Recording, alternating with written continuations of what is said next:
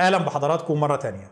في الفيديوهات اللي فاتت إحنا اتعرفنا مع بعض على اكتشاف الأمريكتين وشفنا إزاي بدأ السباق ما بين الدول الأوروبية للسيطرة عليها وشفنا برضو إزاي أسبانيا كان ليها النصيب الأكبر من النفوذ والتوسع في الأمريكتين في المرحلة الأولى. النهاردة إن شاء الله إحنا هنسيب أمريكا مش هنتكلم عن أمريكا خالص ولكن هنرجع مرة تانية لأوروبا علشان نناقش حدث مهم جدا في التاريخ. الحدث ده كان له تأثير كبير جدا على مستقبل ومصير أمريكا. وكان له دور كبير في أنه الولايات المتحدة النهاردة بتتكلم إنجليزي مش أسباني. الحدث ده اللي هو الإصلاح الديني ونشأة البروتستانتية. خليكم معانا. كل المراحل اللي إحنا اتكلمنا عنها قبل كده في تاريخ أوروبا كنا بنتكلم عن الكاثوليكية باعتبارها دين الغالبية الكاسحة من سكان أوروبا وكنا بنتكلم عنها باعتبارها الدين الرسمي لكل الدول الأوروبية تقريبا. الكنيسة الكاثوليكية كانت تمثل الكنيسة الأوروبية أو كانت تمثل الكنيسة المسيطرة على أغلب أنحاء أوروبا. أي نعم كان في كنايس تانية موجودة. كان عندنا مثلا الكنيسة الأرثوذكسية الموجودة في اسكندرية أو كنيسة القسطنطينية اللي هم برضو كانوا أرثوذكس أو حتى الكنيسة الروسية اللي هتنشأ وتستقل فيما بعد. ولكن كل دول كان عدد أتباعهم أقل بكتير من أتباع الكنيسة الكاثوليكية اللي كانت مسيطرة على أوروبا كلها. وفي نفس الوقت كان النفوذ السياسي في أوروبا يكاد يكون منحصر على الكنيسة الكاثوليكية، ما كانش فيه أي نفوذ لا الكنائس ولا حتى لديانات تانية في أوروبا في المرحلة دي. فترة العصور الوسطى في أوروبا كان فيها صراع كبير جدا ما بين السلطة الروحية الممثلة في بابا الكنيسة الكاثوليكية والسلطة الدنيوية الممثلة في ملوك الدول الأوروبية المختلفين. الصراع ده استمر لفترات طويلة جدا ما بين البابوية وما بين الملوك. أي نعم مع الوقت ومع تطور الصراع كان نفوذ البابا بيتراجع تدريجيا في مقابل ترسخ سلطة الملوك ولكن في النهاية ده ما كانش معناه انتهاء سلطة البابوية. سلطة البابا كانت لا تزال قوية جدا وكلمة البابا كانت مسموعة في أوروبا وما كانش فيه أي حاكم أوروبي مستعد إن هو يدخل في صدام مباشر مع البابا. على الأقل ما كانش بيلجأ للخيار ده بسهولة لأن الخيار ده كان معناه إنه هيواجه مشاكل كبيرة جدا داخل مملكته مع مواطنيه المتدينين. ولكن بحلول القرن ال15 العالم كله وأوروبا على وجه الخصوص كان بيحصل فيها تغيير سريع جدا. نظريات علمية جديدة واكتشافات جغرافية ضخمة وحركة في كل المجالات خلت الناس تبدأ تفكر وتتساءل. في نفس الوقت ما كانتش البابوية قادرة تواكب التغير السريع ده. البابوات ما كانوش على قدر التطلعات بتاعة رعاياهم. أغلب البابوات في الوقت ده كان معروف عنهم إن هم منخرطين في علاقات جنسية وأغلبهم كان عندهم أبناء. بعض البابوات كانوا بينخرطوا في العلاقات الجنسية دي وينجبوا الأبناء دول قبل ما يدخلوا في سلك الرهبنة أو قبل ما يتولوا منصب البابا. ولكن البعض الآخر كان بيستمر في العلاقات بتاعته دي حتى بعد توليه لمنصب البابا. وبعضهم كان بيعلن عن أبنائه دول بشكل علني. ما كانش حتى بيحاول يداري إن دول أبنائه. كان بيبقى عامة الشعب عارفين إن البابا له أكتر من عشيقة وعنده أبناء. واحد زي البابا ألكسندر السادس اللي إحنا اتكلمنا قبل كده عن تدخله في النزاع ما بين أسبانيا والبرتغال كان معروف إن عنده بشكل مؤكد على الأقل سبع أبناء. غير أبناء تانيين كان مشكوك في نسبهم ليه؟ والراجل ما كانش بيحاول يخفي إن دول أبنائه بل بالعكس كان بيحاول يستغل منصبه كبابا للفاتيكان في إن هو يمسك أبنائه دول مناصب كبيرة. وده ساهم بشكل كبير جدا في تدهور صورة البابوية قدام رعاياها من الكاثوليك. وبالإضافة للممارسات الشخصية للبابوات الكنيسة نفسها كانت منخرطة في ممارسة مثيرة للجدل أضرت بسمعتها بشكل فادح. الممارسة دي اللي هي صكوك الغفران. الفكرة ببساطة هي إنه الكاثوليكي اللي بيعمل ذنب معين بيروح للكنيسة علشان يشتري منها عفو عن الذنب ده. المذنب بيشتري عفو من الكنيسة علشان ما يتمش حسابه أو عقابه على الذنب ده لا في الدنيا ولا في الآخرة. مش هندخل في تفاصيل فنية كتير بخصوص فكرة صكوك الغفران نفسها. ولكن اللي بيحصل إنه الكنيسة الكاثوليكية بتيجي في أواخر القرن ال15 وبدايات القرن ال16 وتحديدا في عهد البابا ليو العاشر وبتتوسع في إصدار صكوك الغفران دي بشكل كبير جدا. البابا ليو العاشر كان عايز يجمع كمية ضخمة من الأموال علشان يستغلها في بناء كاتدرائية القديس بطرس. الكاتدرائية دي اللي موجودة النهاردة في قلب الفاتيكان. الراجل كان عايز يجمع مبلغ ضخم جدا من المال علشان يقدر يبنيها. وعلشان يقدر يجمع الأموال دي بيصدر كمية ضخمة جدا من صكوك الغفران. الكمية دي كانت أكبر من أي كم من صكوك الغفران الكنيسة أصدرته قبل كده. والمشكلة كمان إنه الصكوك اللي هو بيصدرها في المرحلة دي بتكون صكوك بتغفر ذنوب. الكنيسة ما كانتش معتادة إن هي تصدر لها صكوك غفران ذنوب زي السرقة أو الزنا ودي ما كانش في المعتاد الكنيسة بتصدر صك للغفران عنها. وعلشان كده علشان الصكوك كان عددها كبير جدا وكانت بتغفر ذنوب كبيرة البابا ليو العاشر بيصدر أوامره لرجال الدين الكاثوليك إن هم يتوسعوا في بيع الكمية الضخمة دي في جميع أنحاء أوروبا. عندنا صكوك كتير جدا وعايزين نخلص بيع الصكوك دي علشان نجمع الأموال ونستغلها في بناء كاتدرائية القديس بطرس. ومع انتشار صكوك الغفران في جميع أنحاء أوروبا ووصولها لألمانيا تحديدا بيظهر مبشر وعالم لاهوت مسيحي اسمه مارتن لوثر. الراجل ده كان عايش في منطقة ساكسونيا في ألمانيا. الراجل ما كانش عاجبه ابدا فكرة صكوك الغفران وكان شايف إن هي حاجة غير شرعية وإنه مش من حق الكنيسة إن هي تبيع صكوك الغفران دي. وعلشان كده الراجل بيجي سنة 1517 وبيكتب رسالة ضخمة جدا. الرسالة دي مكونة من 95 سبب هو بيوردهم كأدلة على بطلان فكرة صكوك الغفران.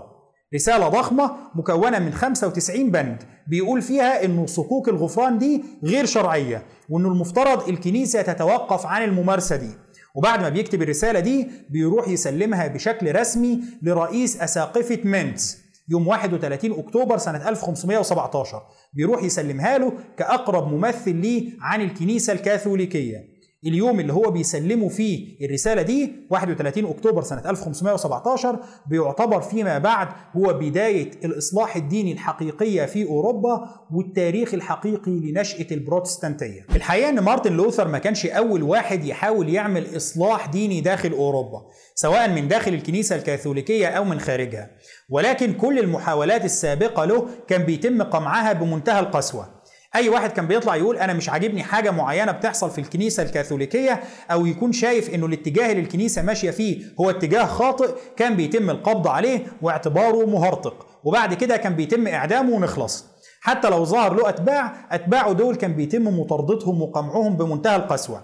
وعلشان كده المحاولات السابقة على مارتن لوثر ما كانتش بتلقى نجاح كبير جدا. ولكن في المرحلة دي الوضع كان مختلف.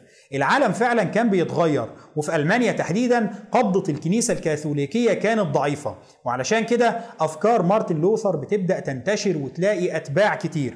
أي نعم في المرحلة الأولى ما بيحصلش صدام ولكن الأفكار بتاعته بتبدأ تنتشر وعلى وجه التحديد في منطقة شمال أوروبا في مناطق زي ألمانيا أو هولندا اللي كانت قبضة الكنيسة فيها ضعيفة بينما مناطق جنوب أوروبا اللي كانت أقرب للكنيسة الكاثوليكية والأفكار المحافظة أفكار مارتن لوثر ما بتنتشرش فيها بشكل كبير جدا. الكنيسة هنا بتلاقي نفسها في موقف مش حلو. لأنه مارتن لوثر ما جاش بيعلن إن هو هيقود ثورة ضد الكاثوليكية ولا إنه الكاثوليكية كفر ولا إن أنا جاي أبشر بدين جديد. لا خالص. الراجل جه قال أنا عالم دين كاثوليكي وشايف إنه في ممارسة خطأ بتحصل في الكنيسة. ودي الأدلة بتاعتي على خطأ الممارسة دي وراح بمنتهى الأدب وبعت الرسالة دي للكنيسة الكاثوليكية. وبالتالي الراجل حطهم في موقف الدفاع عن النفس. الكنيسة هنا لقت إن ما دام هو بيواجههم بالحجة والمنطق لازم هم كمان يردوا عليه بالحجة وبالأدلة اللي بتثبت إن موقفهم ده صح علشان رعاياهم اللي قاعدين بيتفرجوا على اللي بيحصل ده. وعلشان كده الكنيسة بتيجي بعد صمت لمدة ثلاث سنين بتيجي سنة 1520 والبابا ليو العاشر بيصدر بيان. في البيان ده بيطلع 41 خطأ عند مارتن لوثر. البيان بيكون عبارة عن 41 نقطة هو شايف إن هم أخطاء عند مارتن لوثر سواء في الرسالة المكونة من 95 نقطة اللي هو بعتها أو في باقي كتابات مارتن لوثر. اللي هو تعالى بقى إحنا قعدنا درسنا كل حاجة أنت قلتها وعملتها وطلعنا كل الأخطاء اللي عندك ودول 41 خطأ. فأنت دلوقتي اللي غلطان. الموضوع هنا بدأ يتحول لصراع ما بين المنطق والحجة بتوع مارتن لوثر والمنطق والحجة بتوع الكنيسة. والصراع ده كان لازم يتم حسمه. هنا بيتدخل الإمبراطور شارل الخامس إمبراطور الإمبراطورية الرومانية المقدسة اللي كان بيحكم أسبانيا والنمسا واللي كانت ألمانيا تعتبر تابعة له. الراجل بيتدخل وبيقول إحنا كده بقى عندنا مشكلة. واضح إن هيحصل شقاق وهيحصل خلاف كبير ما بين رعايا الإمبراطورية. فإحنا لازم نتدخل باعتبار إن إحنا حكام الإمبراطورية الرومانية المقدسة ونضع حد للنزاع ده. إحنا عندنا دلوقتي مارتن لوثر معترض على حاجات معينة عند الكنيسة والكنيسة معترضة على حاجات معينة عند مارتن لوثر. وكل طرف منهم عنده أدلة على صحة موقفه. فإحنا لازم نعمل مجلس أو اجتماع أو مؤتمر بيضم حكام الإمبراطورية الرومانية المقدسة والأمراء البارزين فيها علشان المؤتمر ده هو اللي يفصل في النزاع. ونجيب مارتن لوثر نسمع منه ونشوف إيه المشكلة بتاعته. وبالفعل بيدعو لعقد مؤتمر وبيستدعي مارتن لوثر علشان يجي قدام المؤتمر ده ويقول رأيه أو دفاعه عن موقفه. ولكن هنا بيتدخل حاكم ساكسونيا اللي كان عايش فيها مارتن لوثر واللي كان معجب جدا بآرائه. بيقول لهم لو عايزين مارتن لوثر يجي يحضر الاجتماع ده أنا ما عنديش مشكلة. ولكن لازم تقدموا لي ضمانات إن الراجل ده هيجي. ما يتمش التعرض له في الطريق لو هو جاي ولا هو ماشي. وما يتمش إلقاء القبض عليه في الاجتماع. أنتوا عايزين تسمعوا من الراجل الدفاع بتاعه؟ الراجل هيجي ويقول لكم الدفاع ده. ولكن الحركات بتاعت إن إحنا نستدعيك وبعد ما تيجي نقبض عليك ونعدمك لا الحركات ده أنا عارفها ومش هتنفع معانا. راجل بيلتزم بالدفاع عن مارتن لوثر وبالفعل بسبب التزامه ده بيتم الموافقة على تقديم الضمانات اللازمة له. بيقولوا له خلاص إحنا بندي لك كلمتنا. الراجل ده هيجي يقول الدفاع بتاعه ونسمع منه وبعد كده هيتم السماح له بالعودة في سلام من غير ما نتعرض له ومش هنقبض عليه. بعد ما يمشي وقتها إحنا هنصدر حكمنا عليه. ولكن وهو جاي وهو في المحكمة وهو راجع إحنا مش هنتعرض له. وبالفعل بيتم عقد المؤتمر ده في مدينة فورمس في ألمانيا سنة 1521 وبيجي مارتن لوثر ليقف أمام المؤتمر ويدافع عن أفكاره طبقا للتطمينات اللي تلقاها حاكم ساكسونيا. الراجل بيجي قدام المؤتمر إيه ردك على النقد بتاع الكنيسة الموجه ليك؟ ال 41 نقطة اللي هم قالوهم. فالراجل بيقف وبيقول لهم إنه أنا ما زلت متمسك بأغلب آرائي. أنا ما زلت شايف إنه صكوك الغفران هي ممارسة باطلة وما زلت معترض على ممارسات للكنيسة الكاثوليكية وشايف إن هي غلط. بعد ما بيسمعوا منه بيقولوا له خلاص أنت تقدر تمشي دلوقتي إحنا هنلتزم بكلمتنا ومش هنقبض عليك. ولكن في نهاية المؤتمر إحنا هنتخذ قرارنا. هنا مارتن لوثر بعد ما بيمشي أمير ساكسونيا بيبعت وراه مجموعة من رجاله علشان يخبوه. الراجل بيكون عارف إنه غالبا قرار المؤتمر مش هيكون في صالحه وعلشان كده بيفضل ان هو ياخده يخبيه في مكان غير معروف علشان حتى لو أصدروا حكم عليه مش على هواه ما يقدروش يلاقوه علشان ينفذوا الحكم بتاعهم ده. وبالفعل ده اللي بيحصل. بياخدوه يخبوه وفي نهاية المؤتمر بتتحقق نبوءة أمير ساكسونيا والمؤتمر بيتخذ قرار بأنه مارتن لوثر مهرطق. بيتم اعتباره مهرطق ومعادي للكنيسة وبيتم اعتبار أتباعه مهرطقين. أتباعه دول اللي هم هيتسموا فيما بعد باسم واسع جدا البروتستانت. الاسم ده اللي هو معناه الحرفي المحتجين. طبعا الكنيسة ما بتكونش مستعدة للتسامح مع انتشار البروتستانتية ما بتكونش مستعدة للتسامح مع انتشار أفكار مارتن لوثر اللي هم شايفينها هرطقة. في المقابل أتباع مارتن لوثر اللي هم البروتستانت ما كانوش مستعدين للانصياع للكنيسة اللي هم كانوا شايفينها بتمارس ممارسات خاطئة تخالف تعاليم الكتاب المقدس وتخالف تعاليم المسيح. وبالتالي كان لازم إنه هيحصل صراع ما بين الطرفين. لا الكنيسة الكاثوليكية مستعدة للتسامح معاهم ولا هم مستعدين للانصياع للكنيسة. الصراع ده كان مرشح للتصاعد بشدة خصوصا إنه شارل الخامس بيحاول في الفترة الأولى لظهور البروتستانتية إن هو يقمعها باعتبارها حركة هرطقة. الناس دول جايين يعملوا لنا دوشة وجايين يعملوا مشاكل وخصوصا إنه بتبدأ الأفكار دي تنتشر زي ما قلنا في شمال أوروبا في مناطق زي ألمانيا أو هولندا. شارل الخامس بيقول لأ المناطق دي تعتبر جزء من إمبراطوريتي أو جزء من ممتلكاتي. وأنا مش مستعد إن يظهر في ممتلكاتي جماعات أو فئات معادية للكنيسة. الكنيسة دي متحالفة مع العرش ولازم التحالف بتاعهم ده يستمر قائم. ولكن مع الوقت ومع اشتداد الصراع بيبدأ شارل الخامس يقلق من الصراع ده. اللي واضح ان البروتستانتية بتبدأ تكتسب أرض جديدة كل يوم. أي نعم ما زال نفوذها الأكبر منحصر في الأجزاء الشمالية من أوروبا ولكن الأجزاء دي تعتبر جزء مهم جدا من إمبراطوريته. ولو حصل صراع ما بين الأجزاء دي وما بين باقي أجزاء الإمبراطورية ده معناه إن هيحصل حرب أهلية داخل ممتلكات شارل الخامس. وهو ما كانش مستعد ابدا لإنه يسمح بده. لا حتى لو هنتسامح مع بعض الهرطقة فمش هنسمح بوصول الأمر لحرب أهلية. شارل الخامس كان داخل في صراعات متعددة مع فرنسا ومع الدولة العثمانية. وقيام حرب أهلية داخل ممتلكاته كان معناه أن موقفه هيبقى ضعيف جدا وأن أعدائه سواء في فرنسا أو في الدولة العثمانية كانوا هيستغلوا المواقف دي ضده. وعلشان كده الراجل بيجي تدريجيا وبيقول خلاص سيبوا اللي يدخل في البروتستانتية يدخل فيها وسيبوا أتباع مارتن لوثر يعيشوا في سلام أفضل من إن إحنا ندخل في حرب. خصوصا وإنه كان في تحالف من الأمراء المؤمنين بالبروتستانتية بيتكون ضد شارل الخامس. تحالف من الأمراء اللي هم أصلا المفترض تابعين له داخل الإمبراطورية الضخمة بتاعته. بتحصل جهود متعددة لاحتواء النزاع ما بين شارل الخامس وما بين الأمراء البروتستانت المعارضين له داخل الإمبراطورية الضخمة بتاعته. الجهود دي بتتوج في النهاية بتوقيع معاهدة اسمها صلح اوكسبرج سنة 1555 في المعاهدة دي بيتم الاتفاق على إنه كل واحد من الأمراء دول هيكون له الحق في اختيار الدين بتاعه وإنه الرعاية بتاعة الأمراء دول هيكونوا تابعين للأمير أو للدين اللي الأمير ده اختاره. يعني لو الأمير أو حاكم الولاية أو الدوقية اختار إن هو يكون بروتستانتي الإمارة أو الدوقية بتاعته هتكون بروتستانتية. ولو اختار إن هو يكون كاثوليكي الإمارة أو الدوقية دي هتكون كاثوليكية.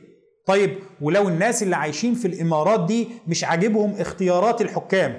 يعني ده مواطن كاثوليكي. لقى الأمير أو الحاكم بتاعه بيقول له أنا بقيت بروتستانتي. هل هو مجبر على اتباع ده؟ قال لك لا. اللي مش عاجبه اختيار الأمير بتاعه هيكون من حقه إن هو يهاجر بسلام إلى إمارة أو ولاية تانية بيحكمها أمير على نفس دينه. يعني لو انت كاثوليكي وعايش في منطقة الحاكم بتاعها بروتستانتي سيب المنطقة دي وروح عيش في منطقة الحاكم بتاعها كاثوليكي. والعكس صحيح. طبعا ده ما بيكونش اتفاق يعني بيضمن حرية العقيدة بمعناها الواسع. مش إنه خلاص يا جماعة اللي عايز يتبع أي دين يتبع وخلاص ولكنه على الأقل بيساهم في نزع فتيل المعركة اللي كانت هتشتعل. المشكلة دلوقتي ما كانتش مشكلة أفراد قد ما هي مشكلة إمارات وتكتلات سياسية. الحل ده ساهم في نزع فتيل التوتر ما بين الأمراء والملوك. الناس الكبار خلاص وصلوا لحل يرضيهم. والرعاية أو عامة الشعب اللي مش عاجبه يشوف له حتة تانية يعيش فيها. أنت عايش في منطقة كاثوليكية ومش عاجبك ديانة الحاكم البروتستانتي سيبها وروح لمنطقة تانية الحاكم بتاعها كاثوليكي من غير ما تحصل مشاكل. ولكن المشكلة إنه الحل ده بيرسخ فيما بعد الفصل ما بين البروتستانت والكاثوليك. الحل ده بيرسخ فكرة إنه الشمال بقى بروتستانتي لأنه البروتستانت اللي كانوا عايشين في الأماكن الجنوبية اللي الحكام بتوعها كاثوليك بيقرروا إن هم يهاجروا إلى المناطق الشمالية اللي الحكام بتوعها بروتستانت والعكس صحيح الكاثوليك اللي كانوا لسه متبقيين في الأماكن الشمالية بيهاجروا إلى المناطق الجنوبية. عموما بغض النظر عن أي تحفظات على صلح اوغسبرج فهو بيساهم ولو بشكل مؤقت في نزع فتيل الأزمة داخل أوروبا وتحديدا داخل ألمانيا. ولكن اللي كان بيحصل داخل ألمانيا ما كانش هو النزاع الوحيد أو المشكلة الوحيدة اللي بتواجه الكنيسة الكاثوليكية.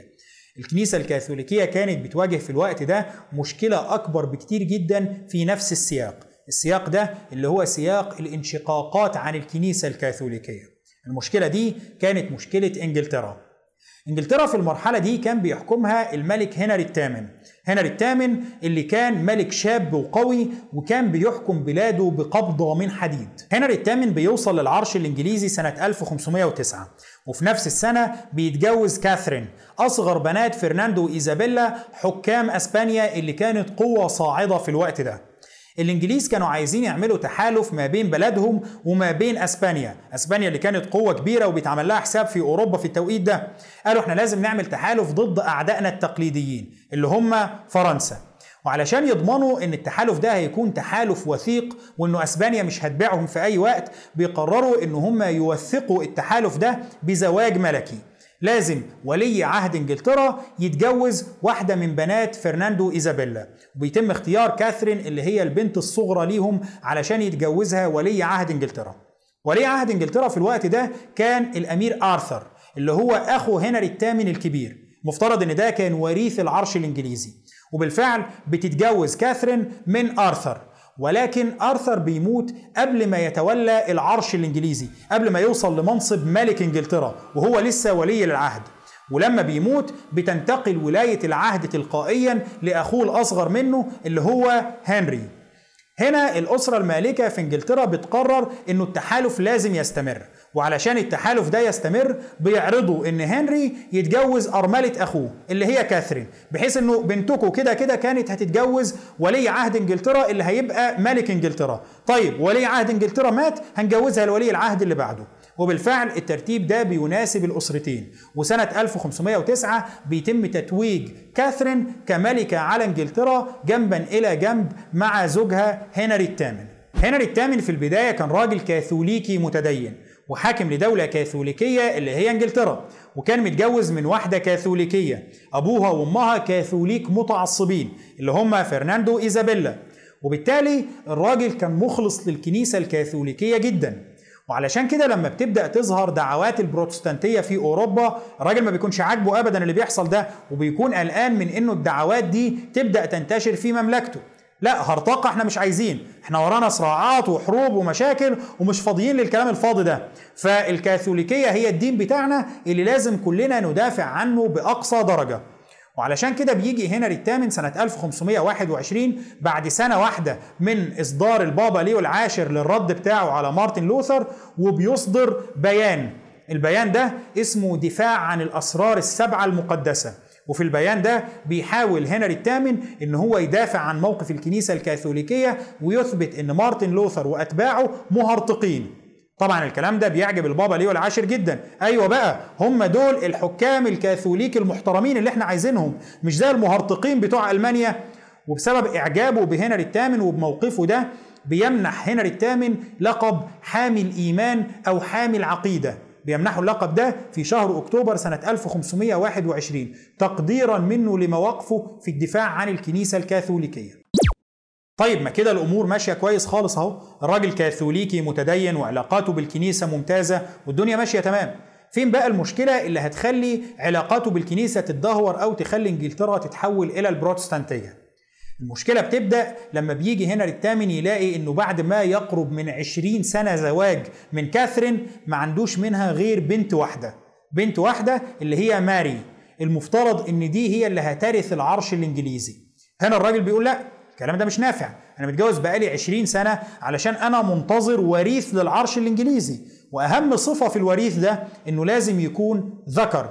أنا عايز ولد هو اللي يرث العرش الإنجليزي.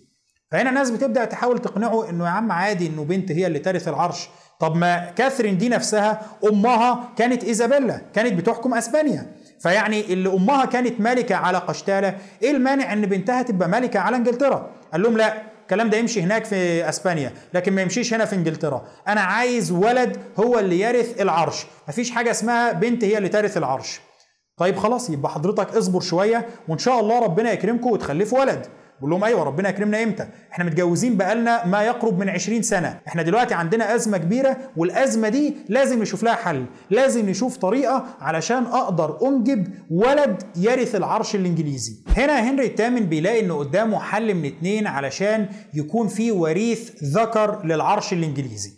الحل الأول إن هو يحاول يجوز بنته ماري بأسرع وقت. وبنته دي لما تتجوز تخلف ولد. وبالتالي ينتقل العرش الإنجليزي من هنري الثامن لحفيده الذكر مباشرة بدون ما يمر ببنته. ولكن هنري الثامن بيشوف إن ده حل غير واقعي. أنا لسه المفترض أستنى لما بنتي تكبر. وبعد ما تكبر أستنى لما تتجوز وأقعد أدعي إنها تخلف ولد. طيب الموضوع ده هياخد وقت طويل. ممكن هنري الثامن يموت قبل ما بنته تخلف الولد ده وممكن بنته أصلا ما تخلفش الولد.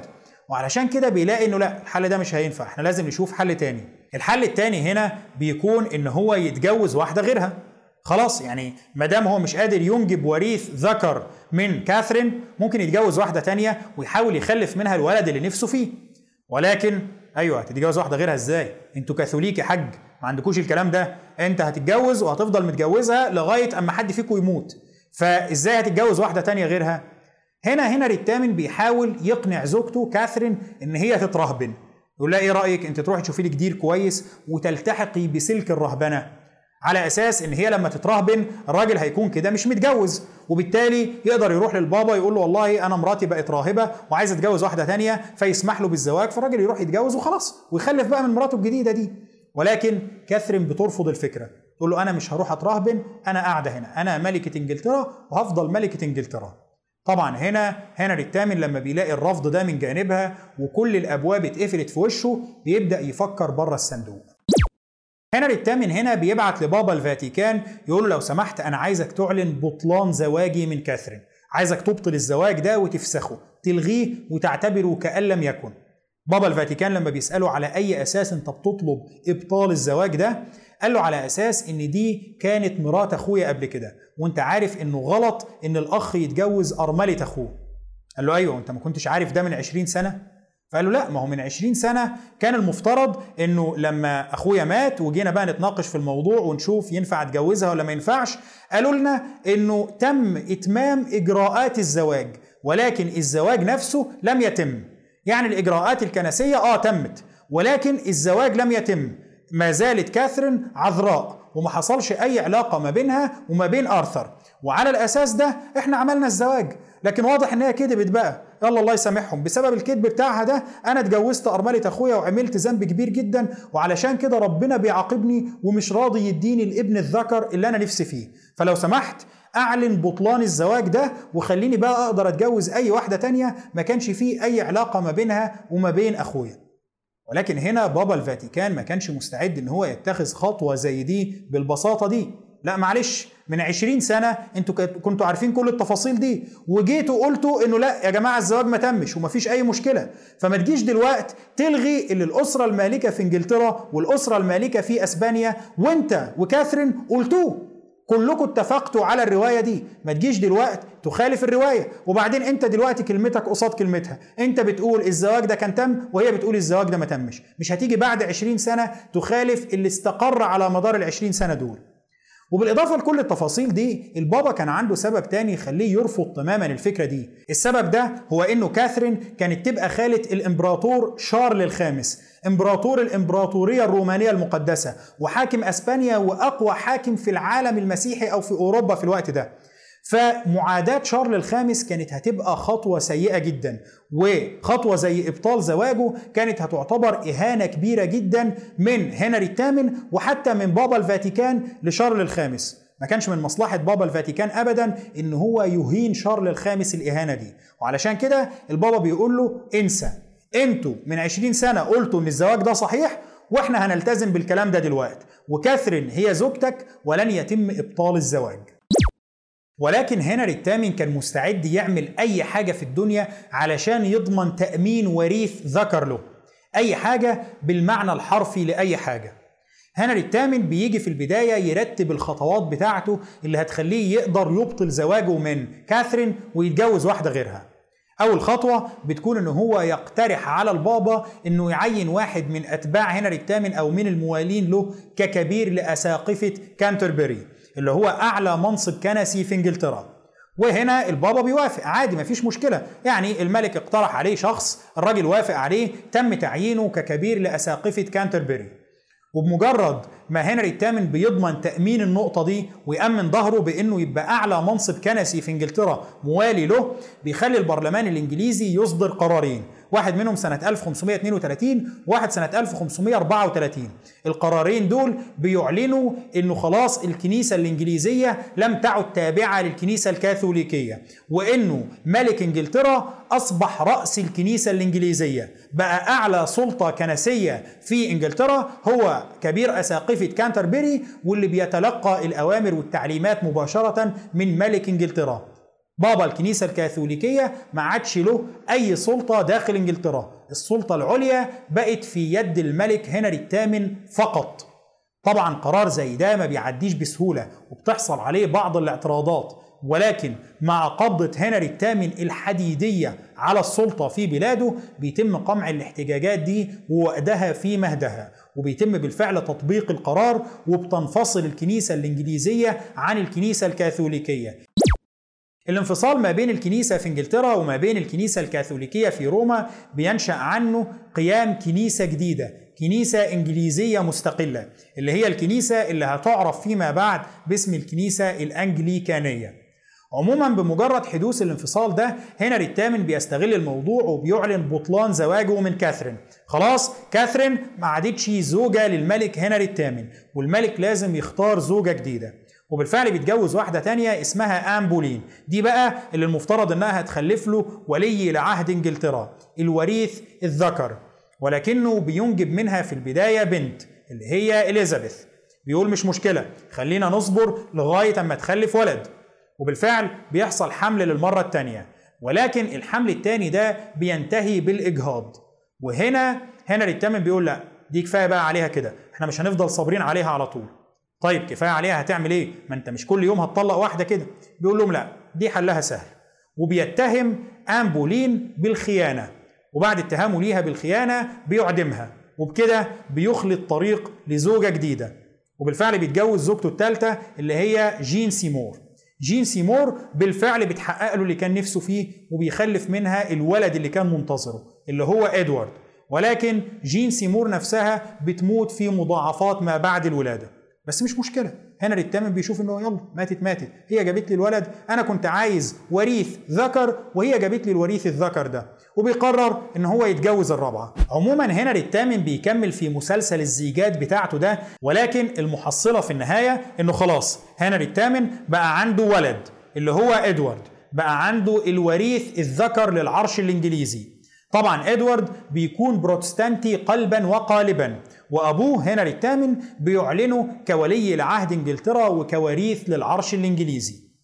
هنري الثامن كمان بيكون عنده بنتين يهمونا. البنت الأولى اللي هي ماري بنته الكبيرة بنته من زوجته الأولى كاثرين ودي اللي كانت كاثوليكية متعصبة. طبعا كاثوليكية علشان أمها اللي هي كاثرين كانت كاثوليكية وعلشان انفصال الكنيسة الإنجليزية عن الكنيسة الكاثوليكية كان هو السبب في إنه ماري تخسر فرصتها في إن هي تبقى ولية لعهد إنجلترا أو تبقى وريثة للعرش الإنجليزي. لو الانفصال ده ما حصلش كان غالبا هي اللي هتبقى وريثة للعرش الإنجليزي وده في حد ذاته كان سبب كافي إن هي تكون كاثوليكية متعصبة. كان عنده بنت كمان تهمنا اللي هي إليزابيث. ودي بنته من زوجته الثانية آن بولين. ودي طبعا كانت بروتستانتية لأنه شرعية زواج أبوها من أمها كانت معتمدة تماما على الانفصال اللي حصل ما بين الكنيسة الإنجليزية والكنيسة الكاثوليكية. فهنا لو إليزابيث دي كانت كاثوليكية ده كان هيبقى معناه إن هي ابنة غير شرعية للملك هنري الثامن علشان كده طبعا إليزابيث كانت بروتستانتية. هنري الثامن بيموت سنة 1547 وبينتقل العرش الإنجليزي بعد وفاته إلى ابنه ولي عهده إدوارد اللي هيحكم إنجلترا باسم إدوارد السادس. انشقاق الكنيسة الإنجليزية عن الكنيسة الكاثوليكية ووصول إدوارد السادس للعرش ما بيكونش نهاية القصة ولكنه بيكون بداية القصة. بداية لقصة من الصراع الطويل جدا داخل الأسرة الحاكمة في إنجلترا. الصراع ده اللي هيتوسع فيما بعد علشان يشمل الشعب الإنجليزي كمان. وبعد كده هيتوسع أكتر علشان يشمل القوى والدول الأوروبية المختلفة. الصراع ده اللي هيتوسع ويؤثر على أوروبا كلها وحتى على العالم الجديد. إزاي هيحصل ده؟ ده اللي هنتكلم عنه في الفيديو الجاي إن شاء الله. شكرا لحضراتكم وإن شاء الله نكمل كلامنا الأسبوع الجاي.